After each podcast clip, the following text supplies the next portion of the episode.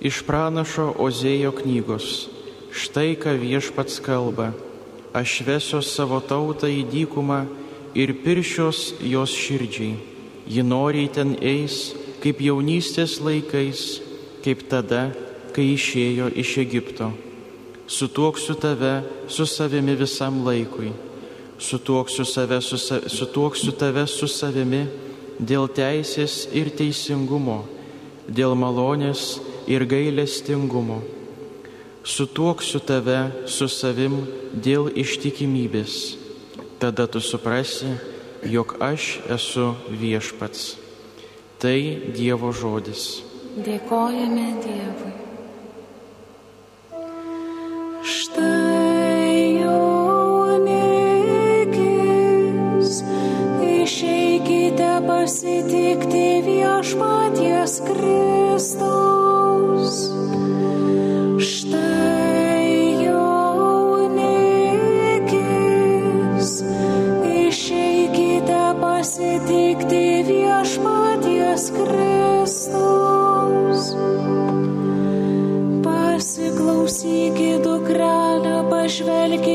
Like.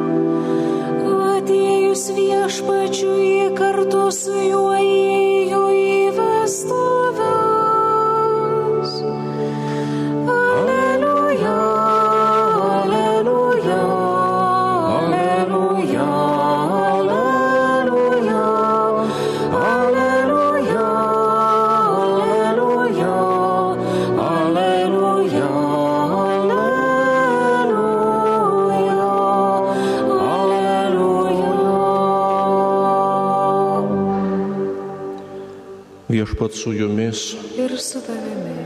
Pasiklausykite Šventojios Evangelijos pagal Matą. Garbė tau. Jėzus pasakė savo mo- mokiniams tokį palyginimą. Su dangaus karalyste bus panašiai kaip su dešimtimi mergaičių, kurios pasiemusios žibintus išėjo pasitikti jaunikio. Penkios iš jų buvo paikos ir penkios protingos. Taigi paikosios pasiemė žibintus, o nepasiemė alyvos. Protingosios kartu su žibintais pasiėmė induose ir alyvos. Jaunikiui vėluojant visos ėmė snausti ir užmygo. Vidurnaktį pasigirdo balsai.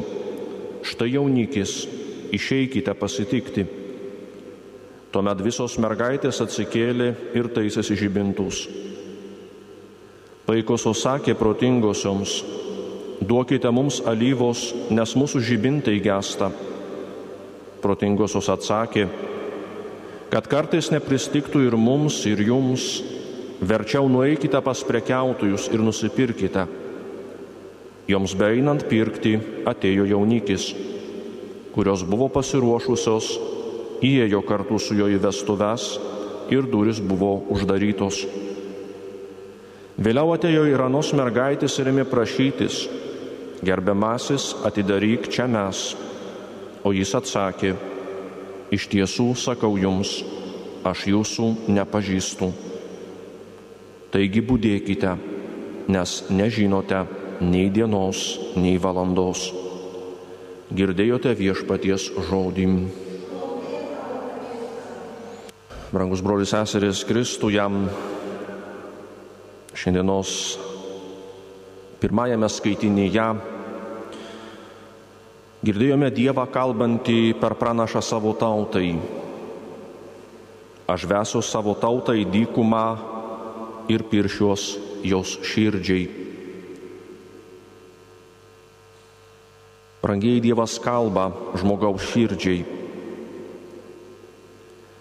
Žmogaus susitikimo su Dievu istoriją galime apibūdinti ir išreikšti įvairiais būdais. Kadangi dieviškosios meilės iniciatyvos žmogui turtingumas neturi ribų. Panašiai ir žmogaus širdis - laisva ir trokštanti meilės - yra atvira kiekvienam Dievo kvietimui į artumą su juo. Edita Štain, vėliau sesuo kryžiaus Teresė Benedikta, suprato ir pamilo šį džiaugsmą, kylantį iš tiesos ir meilės susitikimo. Kaip sakė šventasis tėvas Jonas Paulius II 1998 m. spalio 11 dienos kanonizacijos mišių homilijoje.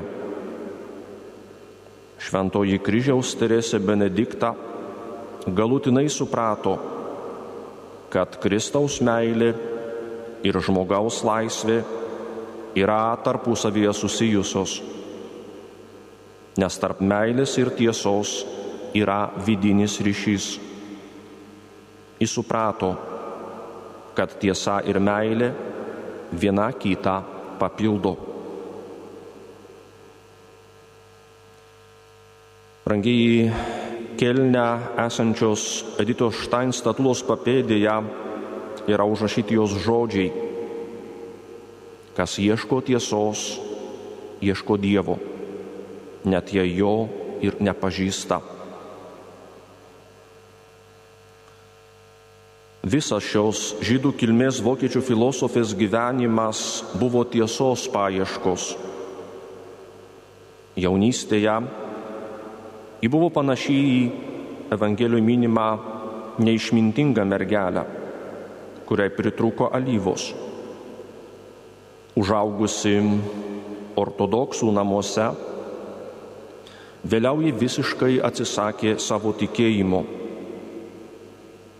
sulaukusi 20 metų, ji pareiškė esanti ateistė. Jos motina Augusta, pamaldy žydė, nesuprato Editos laikysenos. Mirus vyrui, į vieną augino septynis vaikus, iš kurių Edita buvo jauniausia, vos devinių mėnesių. Šteinų namai priminė žydų rabino namus. Vėliau pati Edita rašė apie šį laikotarpį. Buvau tarsi gyvas sidabras, nuolat judanti, kupina žaismingų idėjų pertekliaus, įžuly ir smalsi, kartu nevaldomai užsispyrusi, kai kas, kai kas nors priešinosi mano valiai. Edita buvo feministė, labai protinga ir maištinga asmenybė. Vroclavo universitete įstudijavo germanistiką, istoriją ir psichologiją, pas Viljamą Šterną aikių skalės kurėją. Gėtingene Ji parašė ir apgynė daktaro disertaciją pas Edmundą Husserlį. Būtent tada jis susipažino su Maksu Šeleriu ir kartu susidūrė su jai neįprastu požiūriu į katalikybę. Šelerio dėka jį iš naujo ėmė svarstyti apie tikėjimo fenomeną. Gėtingene Ji taip pat susipažino su jaunu docentu Adolfu Reinachu, Husserlio dešinėje ranka, kuris ją sužavėjo savo gerumu, švelnumu, subtilumu. Tačiau prasidėjo pirmasis pasaulinis karas ir dėja Reinachas žuvo. Tada jauna našlė paprašė Editos padėti sutvarkyti jai filosofijos rankraščius, kuriuos ji norėjo išleisti. Edita jauti didžiulį nerimą, bijojo susitikti su sielvarto apimta Reinacho žmona ir aplankyti gedinčios moters namus. Kokia buvo jos nuostaba, kai pamatė draugę tarsi pasikeitusią liūdną, bet ramę, įsitikinusią, kad mirtis nėra visko pabaiga, kad bet kurią akimirką jis susitiks su mylimu vyru amžinybėje. Tai Editai padarė didžiulį įspūdį. Kaip ir jį, Husserliai buvo žydų kilmės, bet priėmė krikščionybę. Vadinamas evangelinis jaunikis jau laukia Editos, bet ji to dar nežinojo ir toliau ieškojo tiesos. 1921 m. vasarą, atostogaudama pas vieną krikščionių porą, jie atsitiktinai perskaitė Šventojios Teresės iš Avilos gyvenimą kurį parašė pati šventoji.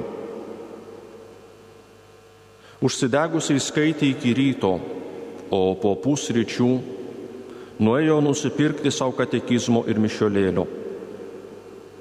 Po kelių dienų įnuėjo į pirmasias savo gyvenime šventasias mišes. Man nieko neliko neaiškaus, sakė ji. Supratau kiekvieną šventųjų mišių momentą. Galiausiai nuėjau pas kunigą į Zakristiją ir po trumpo pokalbio paklausiau jo apie krikštą. Jis pažvelgė į mane labai nustebęs ir atsakė, kad norint priimti šį sakramentą, reikia tam tikro pasiruošimo. Po ilgesnio pokalbio su Edita kunigas suprato, kad nėra tikėjimo tiesos, kurios jį nežinotų. Ir 1922 m. sausio 1 dieną Edita Štain priėmė Krikšto sakramentą. Ta pačią akimirką, galima sakyti, jį pripildė savo žvakę alyvos. Nuo tada Jėzus buvo jos gyvenimo šviesa. Būdama 42 metų, Edita Štain įstojo į Kelno karmelitų vienuolyną ir priėmė kryžiaus Teresės Benediktos vardą. Į Evangeliją suprato pažodžiui ir jos uolumas niekada nesumažėjo. Ant savo amžinųjų įžadų paveikslėlio į užrašė Šventojo kryžiaus Jono žodžius. Nuo šiol mano vienintelis pašaukimas bus labiau mylėti. Šį krikščionišką į radikalizmą įmatė šventoje Jėzaus Teresėje, jos užsidegusioje meilėje Kristuje, Kristui. Ir kitoje Teresėje, šventoje kūdikėlio Jėzaus Teresėje, jos mažajame kelyje įrašė, esu taip panirusi į šventojo Jono nuo kryžiaus raštus, kad visa kita man yra abejinga. Editos tikėjimas buvo karštas ir į nuolat kurstė savo žyburio liepsną. Jos motina niekada nesusitaikė su dukters perėjimu į katalikybę Tai buvo kryžius, kuri Edita nešė visą likusį gyvenimą. Įrašė motinai kiekvieną penktadienį iki pat motinos mirties. Rangiai kiekvienas, kuris kovoja dėl savo atsivertimo, žino, kad tai yra Dievo malonė. Vis labiau persekiojant žydus, Edita buvo perkelta į Echto karmelitų vienuolyną Niderlanduose. Po ketverių metų 1942 m. rūpjūtį ją suėmė gestapas.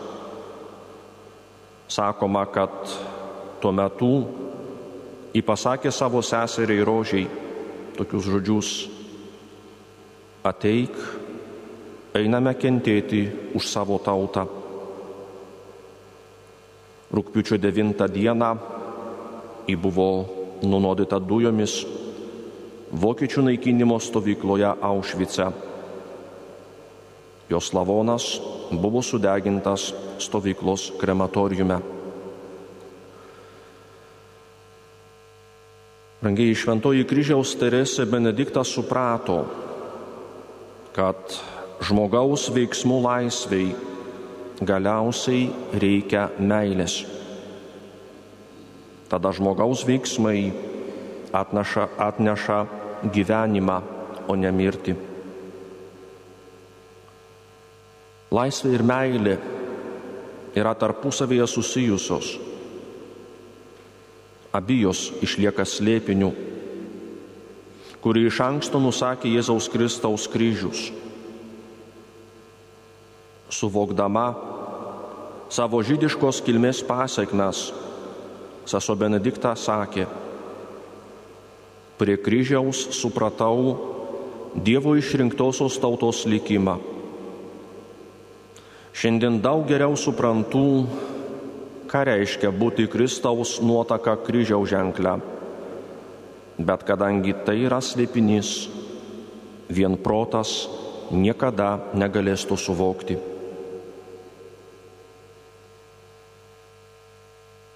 šios lėpinio šviesoje šiandien ir mes norime išmokti, kaip apdairiai naudotis proto gale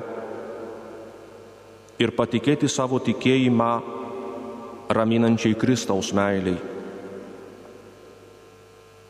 Juk mūsų pasaulyje netrūksta gilių žaizdų, kylančių dėl meilės kitiems tokos dėl tiesos apie save ir tuos, kuriuos mylime nepažinimo. Tiesa nušviečia mūsų nuodėmių tamsą, o kryžiaus meilės slėpinys tą tamsą paverčia sugrįžimo į tikrąjį gyvenimą džiaugsmu. Tegul šventosios Edito Štain žodžiai tiesos troškimas buvo mano vienintelė malda, maitina ir mūsų kasdienį tikėjimo gyvenimą. Užbaikime šios pamastymus maldos žodžiais. Mums reikia tavęs, Kristau, mūsų Dieve, tik tavęs ir nieko kito. Tavęs trokšta visi net ir tie, kurie to nežino. Išalkę galvoja, kad ieško duonos, bet jie alksta tavęs. Ištroškęs mano, kad ieško vandens, bet trokšta tavęs. Ligonis svajoja pasveikti, tačiau jo lyga tai tavo nebuvimas. Kas savo mintise siekia tiesos, tas vis dėlto sieks tavęs, vienintelės tiesos, kurią verta pažinti. O ką kamuoja ramybės troškimas, trokšta tavęs vienintelės ramybės, kurioje gali ilsėtis labiausiai kankinamos širdis. Amen.